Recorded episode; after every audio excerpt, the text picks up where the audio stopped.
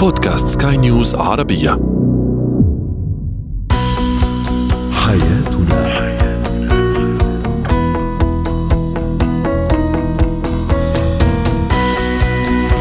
مستمعينا الكرام أهلا بكم معنا إلى حياتنا. فضاؤكم اليومي الذي يعنى بشؤون الأسرة وباقي الشؤون الحياتية الأخرى والذي يمكنكم الاستماع إليه عبر منصة سكاي نيوز راديو dot com slash podcast وباقي منصات سكاي نيوز عربية الأخرى. شاركونا عبر رقم الواتساب 00971 561 88 62 23 معي أنا؟ أمال شاب اليوم نتحدث عن الشريك الذي يدعم شريكه ما دور هذا الدعم في استقرار الأسرة وأيضا حتى في استقرار المجتمع. أيضا كيف أكون كيف أكون مستمع جيد لطفلي. وأخيرا مهارات ما هي مهارات التعلم الذاتي؟ هو وهي.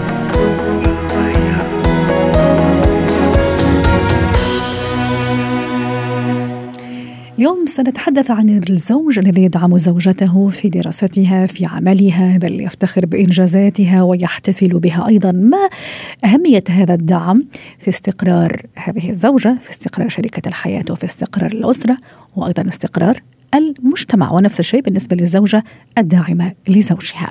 للحديث عن هذا الموضوع رحبوا معي الأستاذة لما الصفدي الاختصاصية الأسرية والتربوية ضيفتنا العزيزة من دبي. يسعد أوقاتك أستاذة لما ماذا يعني أن يدعم الزوج زوجته؟ آه، دعم الزوج لزوجته هو أنه يحترم بالدرجة الأولى كل ما لديها من أحلام ومخططات وقدرات وفكرة القدرات كثير مهمة. لأنه انت بتعرفي القصص اليومية اللي بتوصلني. كثير من الأحيان الزوج فجأة بعد ما يتزوج بيكتشف انه مثلا زوجته ليست ذكية كفاية ليست طموحة كفاية ليست ملمة بموضوع كفاية. فيبدأ الانتقاد واللوم. فنحن لما نحترم قدرات الثاني على أنه زوجتي عندها هي القدرات معينة يعني عندها مهارات خلينا نسميها حياتية أو في البيت أو في الطبخ أو تربية الأطفال ولكن أنا اخترتها كإنسان مثل ما بنقول أخذناها بكامل مواصفاتها فلا بد إني اولا أتوقف على الانتقاد ويكون متقبل إلها كشخص. هي أول نقطة بدرجات الشخص الداعم اللي أنا بعتبره اللي هو التقبل والإحترام. أستاذة لما هل تصوري إنه لازم نتوقف عند النقطة الآتية؟ الرجل أو الزوج اللي يدعم آه، زوجته وشريكته زي ما تفضلتي بكل ما أوتي من قوة في الدراسة في العمل في التقدم في مسيرة الحياة في أي ممكن مشروع حابة تعمله هل هو شخص يقدر ذاته اولا؟ هل هو شخص عنده ثقة كبيرة في ذاته اولا قبل ما تكون عنده ثقة في هذه الزوجة؟ لأنه في بعض الأزواج مثلا يشوفوا هذا الموضوع تهديد ضمني لهم، تهديد لمكانته، تهديد لنظرة الناس له. ما رأيك في هالنقطة؟ أكيد هي نقطة واقعية 100% كل زوج يدعم نجاح زوجته وطموحها وعملها وممكن يكون مساعد ومتفهم ويسعد بالحديث عن أي انجازاتها أمام الناس. وهي نقطة جدا مهمة. هو شخص يمتلك مقدار كبير من الثقة بالنفس والتصالح مع النفس. يعني نحن أحيانا بنشوف الزوج ممكن ما يكون حتى بدرجة نجاح زوجته ممكن تكون هي ناجحة أكثر مهنيا أو ماديا ولكن هو لما يكون فعلا متصالح مع ذاته وسعيد باللي هو فيه فيكون متقبل بينما بنشوف الأزواج اللي دائما بيحاول ينزل من مقدار زوجته أمام الآخرين يحاول يبين بأنه هي ما بتفهم شيء آه، يحاول يكسر من نجاحها يمنعها الحديث عن إنجازاتها أمام الآخرين أو حتى لو كان في أي تضحيه بسيطة إنه هو يضحي بالاهتمام في البيت أو الأطفال مقابل هي يكون عندها كورس أو شهادة جامعية أو شهادة أو تطوير. فهو بيرفض. هذا كله بينم على أي مدى هو حاسس إنه هي بتشكل له تهديد على أي مدى هو شخص غير متصالح مع نفسه على أي مدى شخص هو فعلا عنده خوف بإنه هي الإنسانة لو تطورت ربما هو لن يكون الشخص الذي ستعود إليه. صحيح ممكن تتركه عنده الهاجس إنه ممكن تخليه تتركه، ممكن تطلب الانفصال، ممكن أيضا نظرة المجتمع راح يشار له على أنه زوج الست مثل ما بيقولوا. أستاذة لما أيضا حابة اتوقف عن نقطة أخرى ما أعرف اذا إذا هي صحيحة ولا لا.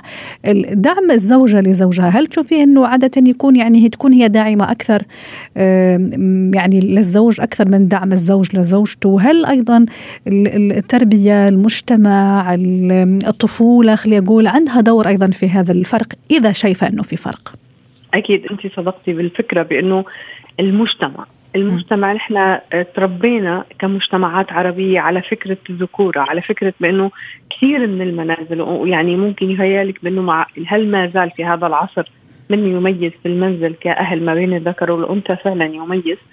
تخيل لدرجة إحدى الأمهات دائما نحن بنطرح قصص واقعية إحدى الأمهات قالت لي هل ممكن إني عامل بنتي زي ابني؟ يعني هل من المنطق فهي مستغربة يعني هل ممكن يكون في عدل في المعاملة؟ لا البنت هي اللي بتخدم أخوها البنت هي اللي بتساعد أخوها وبنتها واصل لمرحلة بأنه أصبحت لديها كمية عقد نفسية يعني لا توصف طيب. في هي الحالة م. هذا الابن اللي ربته هي الأم يعني اللي أنا شفتها قصة واقعية لن يكون أكيد بالمستقبل متقبل نجاح زوجته ولا رح يدعمها. ولا داعم. تكون كل مرأة في حياته انعكاس للأخت اللي هي كانت دائما هي اللي تقدم وتخدم وتنظف وترتب له جميل. كل يعني استلزاماته أستاذة لما أنا الآن سيدة ناجحة يعني عمل عندي وظيفة عندي مكانتي في المجتمع وما إلى ذلك وعندي طموح طبعا. طموحي ما يتوقف رغم إنه أنا عندي أسرتي وعندي أولادي ومش مقصرة أيضا في أسرتي لكن طموحي يعني جارف مثل ما يقال يعني طموح كبير.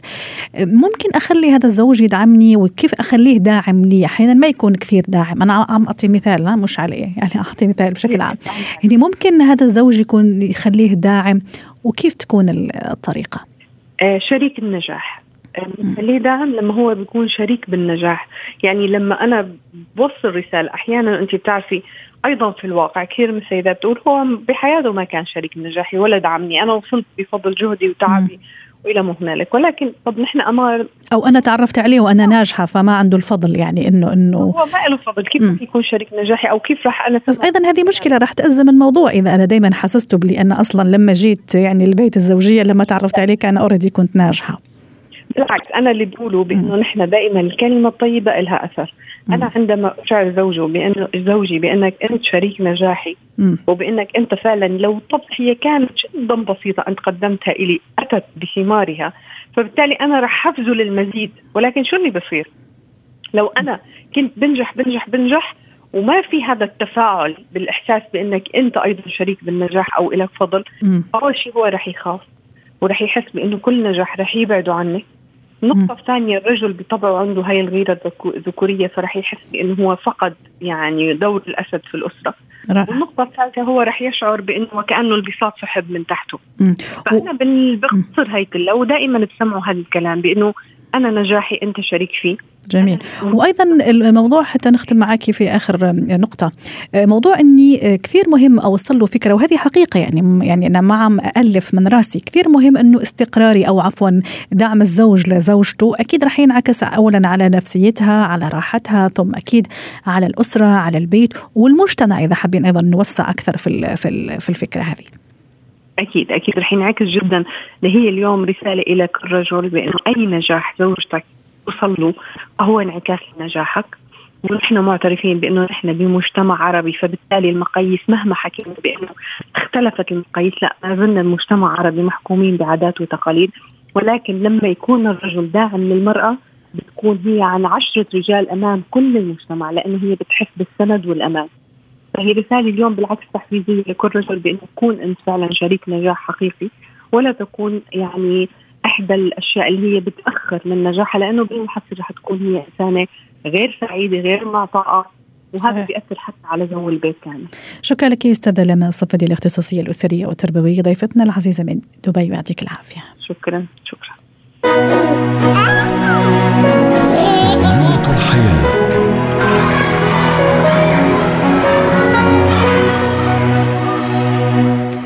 كيف أصبح وكيف أكون مستمعة جيدة ومنصتة جيدة لطفلي؟ أحيانا قد يعود الطفل من المدرسة محملا بحكايا ومواقف وأشياء حصلت يعني أثناء وجوده خارج البيت سواء عندما يكون في المدرسة وأحيانا حتى يعني في, في مكان معين يعني لكن مش مع الأم أو الأب. وما إن يبدأ بسرد الحكايات والمواقف حتى أحيانا نتأفف نكون مشغولين أحيانا نكون مثلا تعبانين فما عندنا هذيك القدرة الكبيرة أني أنا أكون منصته وأنصت وأصغي باهتمام لما يقوله الطفل، اذا كيف أكون كذلك؟ كيف أكون مستمعة جيدة لهذا الطفل؟ رحبوا معي بدكتوره هبة شركس الخبيرة التربوية ضيفتنا من أبو ظبي يسعد أوقاتك أستاذة هبة. اليوم حابة أكون أنا مستمعة جيدة وجيدة جدا يعني ومستمع جيد أيضا كأب لطفلي هل من مهارات خلي أقول ممكن تنصحين بها؟ هو طبعا الاستماع للأطفال هو وسيلة مهمة جدا جدا لبناء العلاقة مع أبنائنا. فكون إن ابني يجي يكلمني في موضوع وهو عنده حماس وعنده رغبة في إنه يشاركني حياته ويلاقيني بصد عنه أو ببتعد عنه أو بحاول اسكته أو بحاول أقطعه في الكلام وأبدأ أدخل أدي نصايح أو بقول له مش دلوقتي سيبني في حالي أو بحس أو كلامك مش مهم مثلا أنت فين وأنا فين؟ أنا عم جهز الغداء والعشاء وأنت عم تحكي لي على أشياء يعني يعني راح أقلل من قيمة هذا الشيء. آه فاقلل من قيمة الحديث أو أسخف الحديث. كل ده كل مرة بعمل كده أنا يعني كأني بقطع من من حبل العلاقة بتاعتنا فتلة. فتلة ورا فتلة ورا فتلة الحبل بيبدأ يبقى ضعيف جدا وبعد كده بيبقى سهل إن هو يدوب وينقطع. لأن الحاجة اللي هو جاي بيحكي عنها والتوقيت اللي هو متحمس فيه والوقت اللي هو آه عايز يشاركني ورغبته في المشاركة آه عمالة بتطفي واحدة ورا واحدة. خلاص ما بقاش حابب يشاركني لأنه عارف متوقع رد فعلي. آه بقى حاسس إن أنا مش مهتمة بنفس موضوعاته بقى حاسس إن هو من عالم وأنا من عالم تاني. فمهم جدا إن إحنا نبدأ ندرب نفسنا على إن إحنا نسمع ولادنا. ونسمع أستاذة هبة راح أفتح قوس. أسمع ومع ضرورة الحفاظ والتركيز على موضوع التواصل البصري ممكن أنا أسمع لك؟ لكن التواصل البصري هذا كثير مهم ممكن أسمع لك لكن ما أعطيك الانطباع أنه أنا كل اهتمامي ليك فهذا يفرق كثير أليس كذلك؟ لما أسمع لطفلي وأنا يعني عيني في عينه مثل ما بيقولوا ممكن حتى أنزل لمستواه إذا كنت أنا يعني أطول منه. أكيد أنا أطول منه. لكن قصدي مثلا إذا أنا جالسة مثلا هو واقف مثلا فكرة أنه أنزله لمستواه وثم يكون هذا التواصل البصري. هو مهم جدا إن الاستماع حاجة والسمع حاجة والإنصات حاجة. رائع. يعني مهم قوي إن أنا أنصت لطفلي مش بس مجرد إن أنا أستمع له. صح. أعطيه الاهتمام. يعني معناه إن أنا ههتم بيه وإن أنا قاعدة بسمعه بجد وإن أنا قاعدة بتوحد معاه وبتعاطف معاه وحاسة بيه.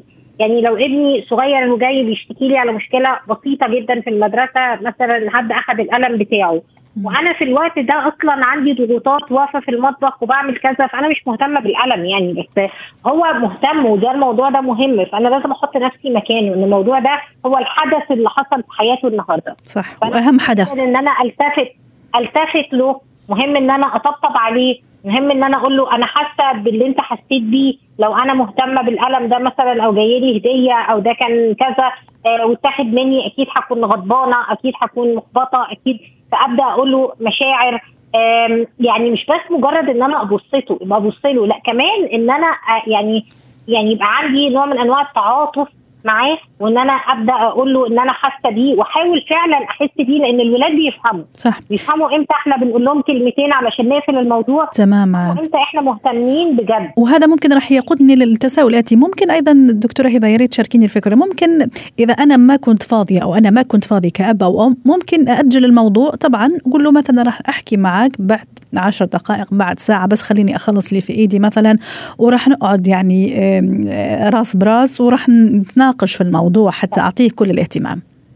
علشان أقدر أعمل خطوة زي كده عشان أقدر أجل مشاعر طفلي وأحداثه وحياته لازم يبقى واثق تماما فيا إن أنا فعلا هعمل. رائع. لأن كثير من المرات إحنا ممكن نأجل والطفل بيبقى حاسس إن التأجيل ده إلى أجل غير مسمى وإن الكلام ده مش هيحصل وإن ده شكل من الأشكال إن أنا عايزة أقفل الموضوع. رائع. يعني التحديد راح التاكيد عفوا التأجيل راح يكون بتحديد وقت معين. وكمان إن أنا ألتزم بالوعد. يعني لو قلت له إن مثلا ممكن تسيبني نص ساعة أخلص مثلا الميتنج ده أو أخلص الحاجة دي أو أخلص المكالمة دي وأفضلك علشان واضح إنك بتتكلم في موضوع مهم جدا ومحتاج مني تركيز كبير قوي وأنا مش عايزة الموضوع يعدي من غير تركيز. م. كمان لازم أبين له إن حتى نية التأجيل هي كمان في مصلحتك مش بس في مصلحتي. يعني مصلحة مشتركة. جميل. أنا عايزة أركز في موضوعك المهم ده فاديني مثلا نص ساعة أو اديني ساعة أو هخلص الحاجة دي وآجي أنا لغاية عندك في غرفتك وأقعد أسمع لك علشان أنا مهتمة باللي أنت بتقوله ده بشكل كبير جدا.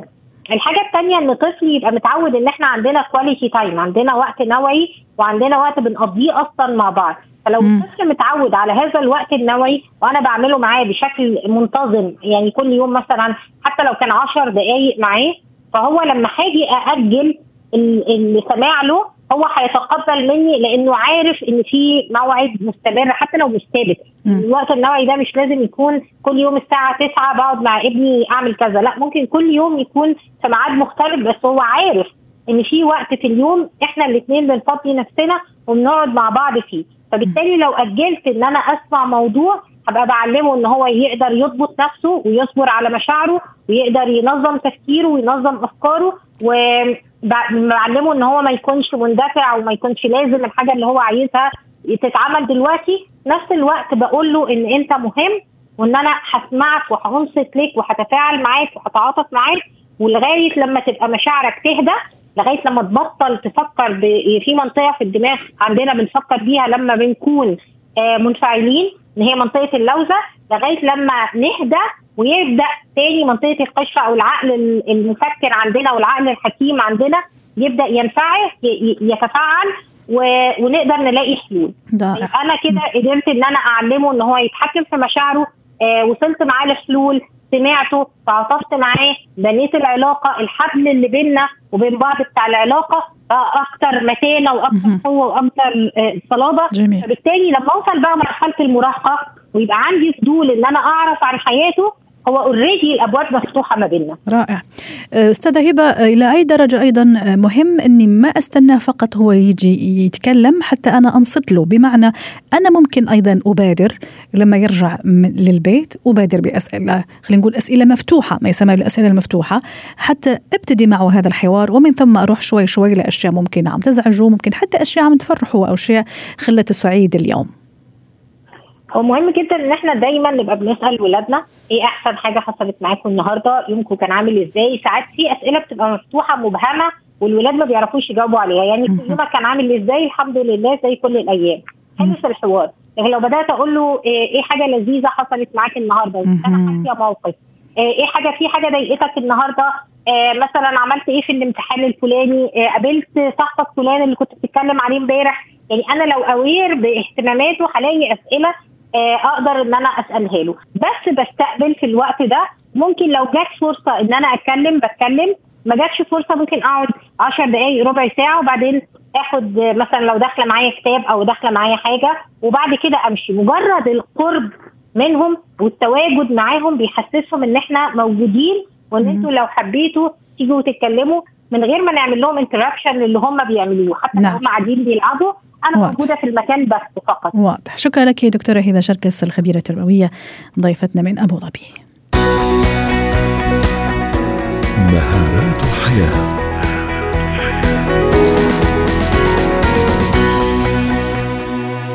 بالرغم من ما يبدو عليه التعلم الذاتي إنه عملية سهلة وممتعة إلا أنه في الكثير من الأحيان يحتاج لمهارات محددة. إذا كيف يمكن أن نكتسب مهارة من المهارات بشكل ذاتي وتعلم ذاتي؟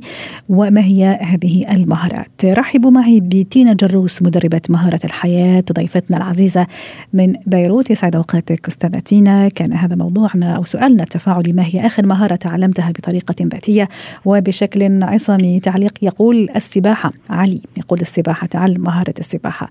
رضا مهارة الأكل. تعلم ياكل يعني ما كان ياكل قبل بالشكل صار نايم أكثر.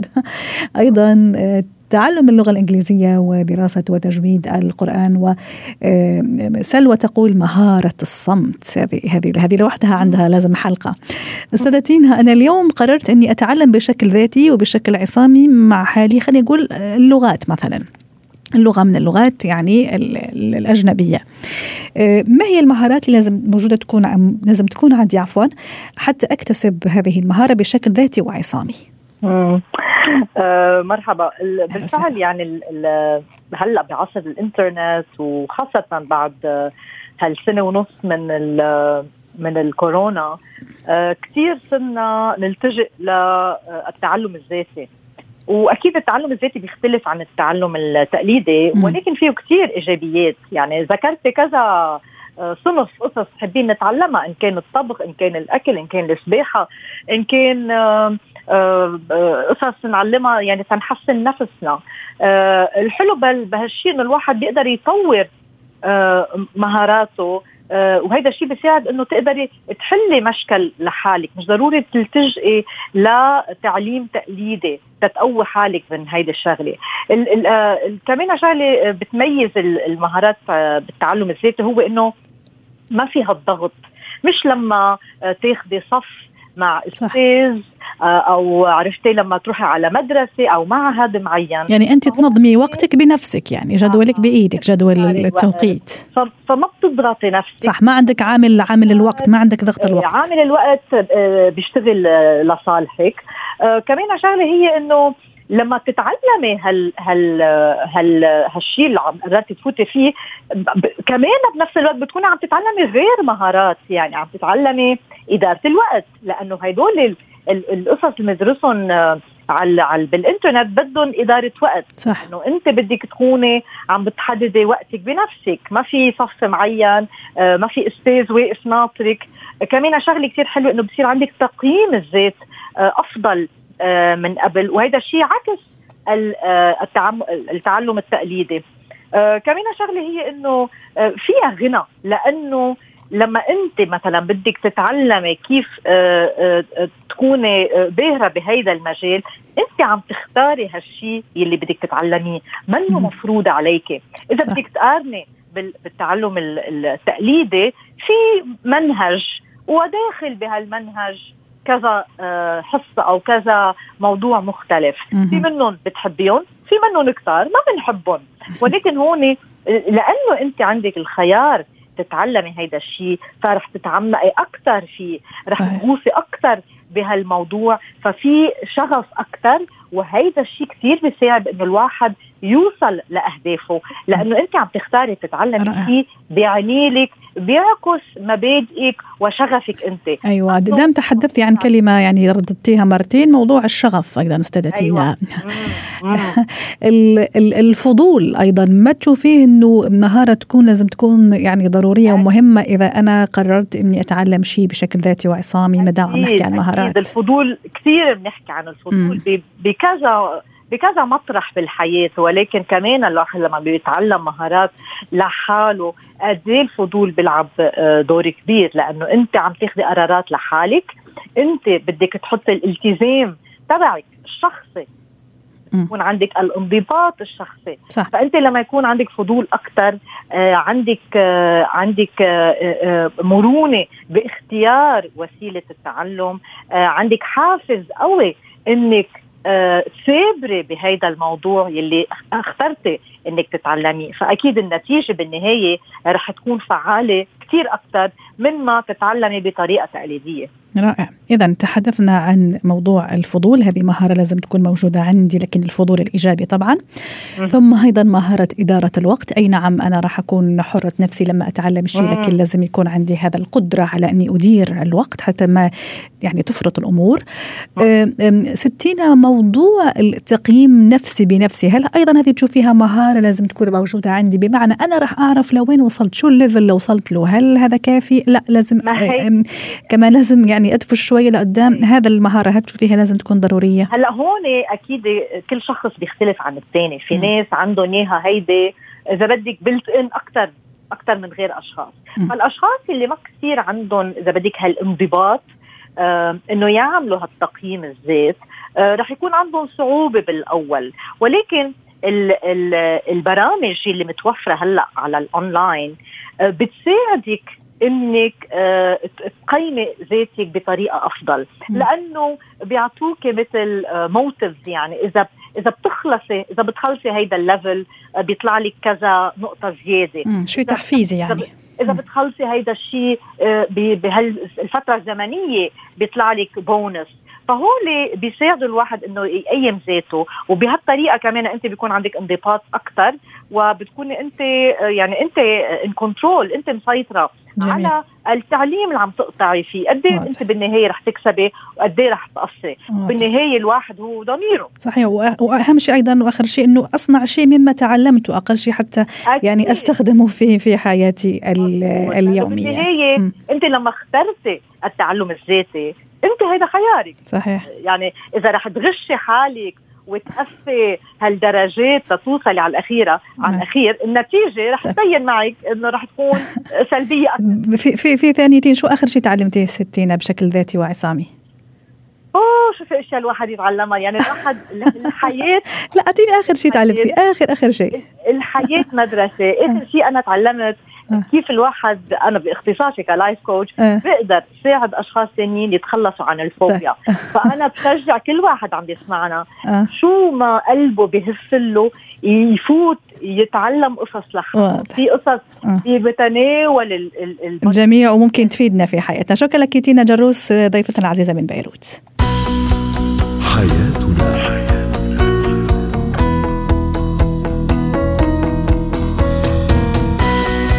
حلقة اليوم من حياتنا. شكرا لكم.